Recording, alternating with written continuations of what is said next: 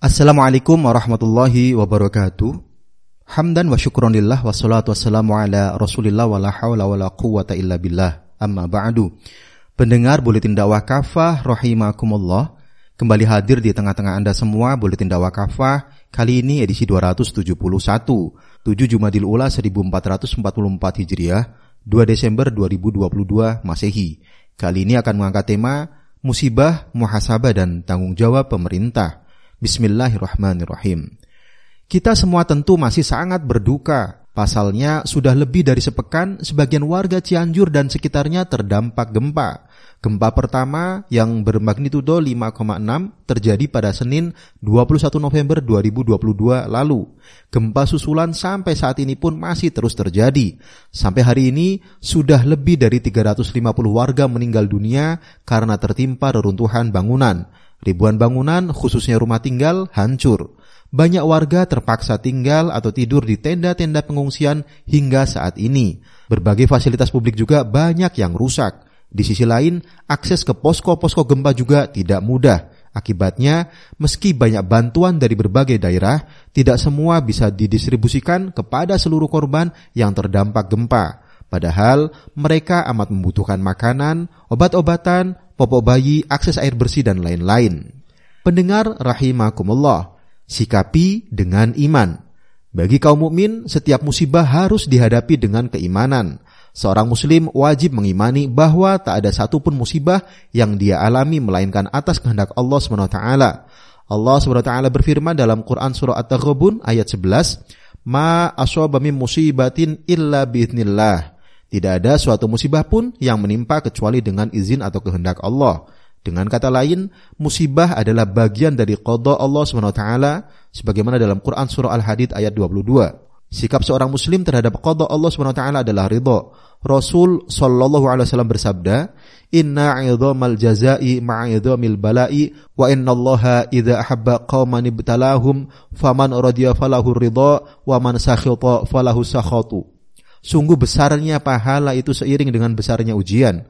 Sungguh jika Allah mencintai suatu kaum, dia menguji mereka. Siapa saja yang ridho untuk dia keridoan itu. Siapa yang benci untuk dia kebencian itu. Hadis riwayat At-Tirmidzi, Ibnu Majah dan Al-Baihaqi. Pendengar rahimakumullah. Sabar, tawakal dan syukur. Karena merupakan kodok, musibah pun harus dihadapi dengan kesabaran. Allah SWT memuji orang-orang yang selalu sabar. Allah SWT berfirman dalam Quran surah Al-Baqarah ayat 155, lanabluwannakum bisyai'im minal khawfi wal ju'i wa naqsim minal amwali wal anfusi was samarat wa sabirin. Kami pasti akan menguji kalian dengan sedikit ketakutan, kelaparan, serta kekurangan harta, jiwa dan buah-buahan. Sampaikanlah kabar gembira kepada orang-orang yang sabar. Saat ditimpa musibah, seorang hamba juga harus selalu bertawakal kepada Allah SWT. Allah SWT berfirman dalam Quran Surah At-Taubah ayat 51, Qul la yusibana illa ma kataballahu lana huwa maulana wa 'alallahi falyatawakkalul mu'minun. Katakanlah, tidak akan pernah musibah menimpa kami kecuali yang telah Allah tetapkan untuk kami. Dialah Allah pelindung kami. Hanya kepada Allah lah kaum mukmin bertawakal. Dalam menghadapi musibah, Rasul Shallallahu Alaihi Wasallam pun mengajari kita agar melakukan istirja, yaitu mengembalikan segalanya kepada Allah SWT dan berdoa. Dalam menghadapi musibah, hendaknya juga kita banyak berzikir. Zikir akan dapat menetrapkan hati. Bisa dilihat dalam Quran Surah Ar-Ra'd ayat 28. Hendaknya juga kita memperbanyak ibadah dan takarub kepada Allah SWT baik dengan sholat, sedekah, tilawah Al-Quran, sholat-sholat sunnah dan takarub lainnya. Bahkan musibah yang menimpa ini seharusnya juga melahirkan rasa syukur. Dengan musibah ini, kita harus bisa memberikan nilai dan makna atas beragam nikmat yang selama ini telah Allah SWT berikan kepada kita. Nikmat sehat, kebugaran badan, nikmat kondisi kehidupan yang normal yang dengan itu bisa leluasa beraktivitas, mencari rizki dan sebagainya. Rasa syukur itu akan makin meningkat saat musibah berhenti dan saat Allah SWT mengembalikan nikmat berupa kehidupan yang kembali normal. Dengan itu, musibah akan berubah menjadi kebaikan dan membuahkan banyak kebaikan.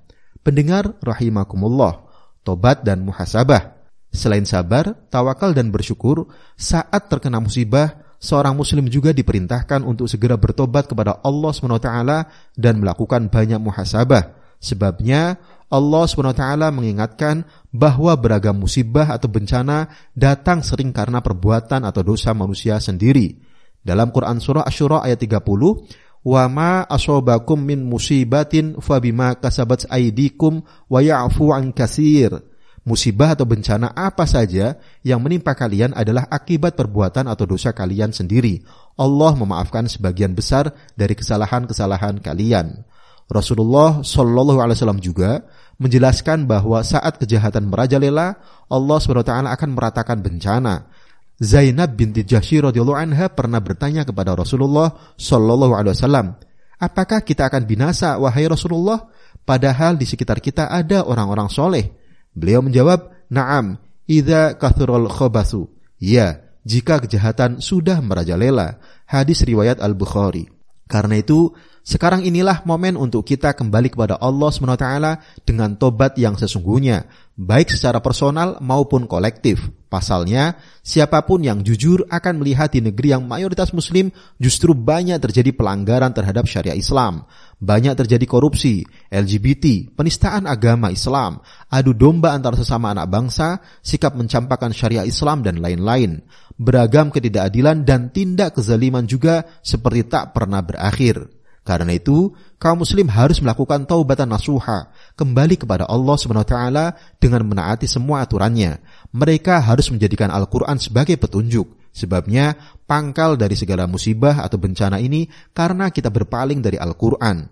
Keadaan ini telah diterangkan oleh Allah SWT dalam firman-Nya, Quran Surah Toha ayat 124. Waman a'radu an dzikri fa inna lahu ma'isyatan dongka wa nahsyuruhu yaumal qiyamati a'ma. Siapa saja yang berpaling dari peringatanku atau Al-Quran, sungguh bagi dia kehidupan yang sempit, dan kami akan mengumpulkan dia pada hari kiamat nanti dalam keadaan buta. Kehidupan yang sempit di dunia tidak lain adalah kehidupan yang semakin melarat, miskin, sengsara, menderita, terjajah, teraniaya, tertindas, termasuk mengalami ragam kesusahan akibat berbagai musibah yang melanda negeri ini. Kondisi buruk ini tentu tak boleh terus berlangsung. Kaum muslim harus segera mewujudkan ketaatan penuh dengan menerapkan syariah Islam secara kafah. Demikian sebagaimana yang Allah SWT inginkan. Allah SWT berfirman dalam Quran Surah Al-Baqarah ayat 208, Ya ayyuhalladzina amanu dkhulu fis silmi kafah wa la tattabi'u khutuwati syaitan innahu lakum aduwwum mubin. Hai orang-orang yang beriman, Masuklah kalian ke dalam Islam secara keseluruhannya, dan janganlah kalian mengikuti langkah-langkah setan. Sungguh setan itu musuh yang nyata bagi kalian. Penerapan syariah Islam secara kafah adalah wujud ketaatan total kepada Allah Subhanahu wa taala. Pendengar rahimakumullah, tanggung jawab pemerintah. Pada dasarnya, menolong orang-orang yang terkena musibah adalah kewajiban dan tanggung jawab bersama. Namun demikian, yang paling bertanggung jawab adalah pemerintah. Sebabnya, pemerintah memang diamanahi untuk mengurus segala urusan rakyatnya, termasuk saat rakyat ditimpa musibah sebagaimana saat ini. Karena itu, pemerintah wajib melakukan ikhtiar terbaik dalam mengatasi rentetan dampak yang dirasakan warga akibat musibah gempa ini pemerintah harus memastikan dan menjamin setiap warga negara yang terdampak musibah terpenuhi segala kebutuhannya, terutama makanan, akses terhadap air, layanan kesehatan dan obat-obatan. Berapapun biaya yang diperlukan harus disediakan dan dikeluarkan oleh pemerintah. Realokasi anggaran, penggunaan sisa anggaran lebih, dan sisa lebih penggunaan anggaran termasuk opsi yang bisa dilakukan. Kuncinya adalah kepedulian dan kemauan pemerintah untuk bertanggung jawab penuh mengatasi semua persoalan akibat musibah gempa ini. Selain itu, sudah seharusnya pemerintah lebih serius dalam melakukan antisipasi ikhtiar optimal jika sewaktu-waktu berbagai musibah atau bencana kembali datang. Ini adalah bagian dari amanah kekuasaan. Kelak di akhirat amanah kekuasaan ini akan dipertanggungjawabkan di hadapan Allah SWT. Rasul Shallallahu Alaihi Wasallam bersabda, "Fal amirul ladzi 'ala nasi ra'in wa mas'ulun an ra'iyatih." Pemimpin manusia adalah pengurus mereka dan dia bertanggung jawab atas urusan rakyatnya. Hadis riwayat Al-Bukhari, Muslim, Abu Dawud, At-Tirmidzi dan Ahmad. Amanah pemimpin atau pemerintah seperti dalam hadis di atas adalah mengurus urusan-urusan rakyat, riayah syunir rakyah. Seperti yang dijelaskan oleh Imam An-Nawawi di dalam syarh Sahih Muslim. Riayah yang baik itu tidak lain dengan menjalankan hukum-hukum syariah Islam serta mengutamakan kemaslahatan dan kepentingan rakyat. Inilah seharusnya yang dilakukan oleh pemimpin yang amanah. Dalam mengurusi rakyat, pemerintah hendaklah berlaku seperti pelayan terhadap tuannya. Sebabnya, Sayyidul Qawmi khadimuhum. Pemimpin kaum itu laksana pelayan mereka. Hadis riwayat Abu Nuaim. Pengurusan rakyat oleh pemerintah ini tidak mungkin bisa dilakukan dengan baik kecuali dengan menjalankan seluruh hukum dan aturan Allah SWT dalam wujud penerapan syariahnya secara kafah dalam seluruh aspek kehidupan. Wallahu alam biswab. Demikian materi Buletin Dakwah Kafah edisi 271, Musibah, Muhasabah, dan Tanggung Jawab Pemerintah. Terima kasih. Wassalamualaikum warahmatullahi wabarakatuh.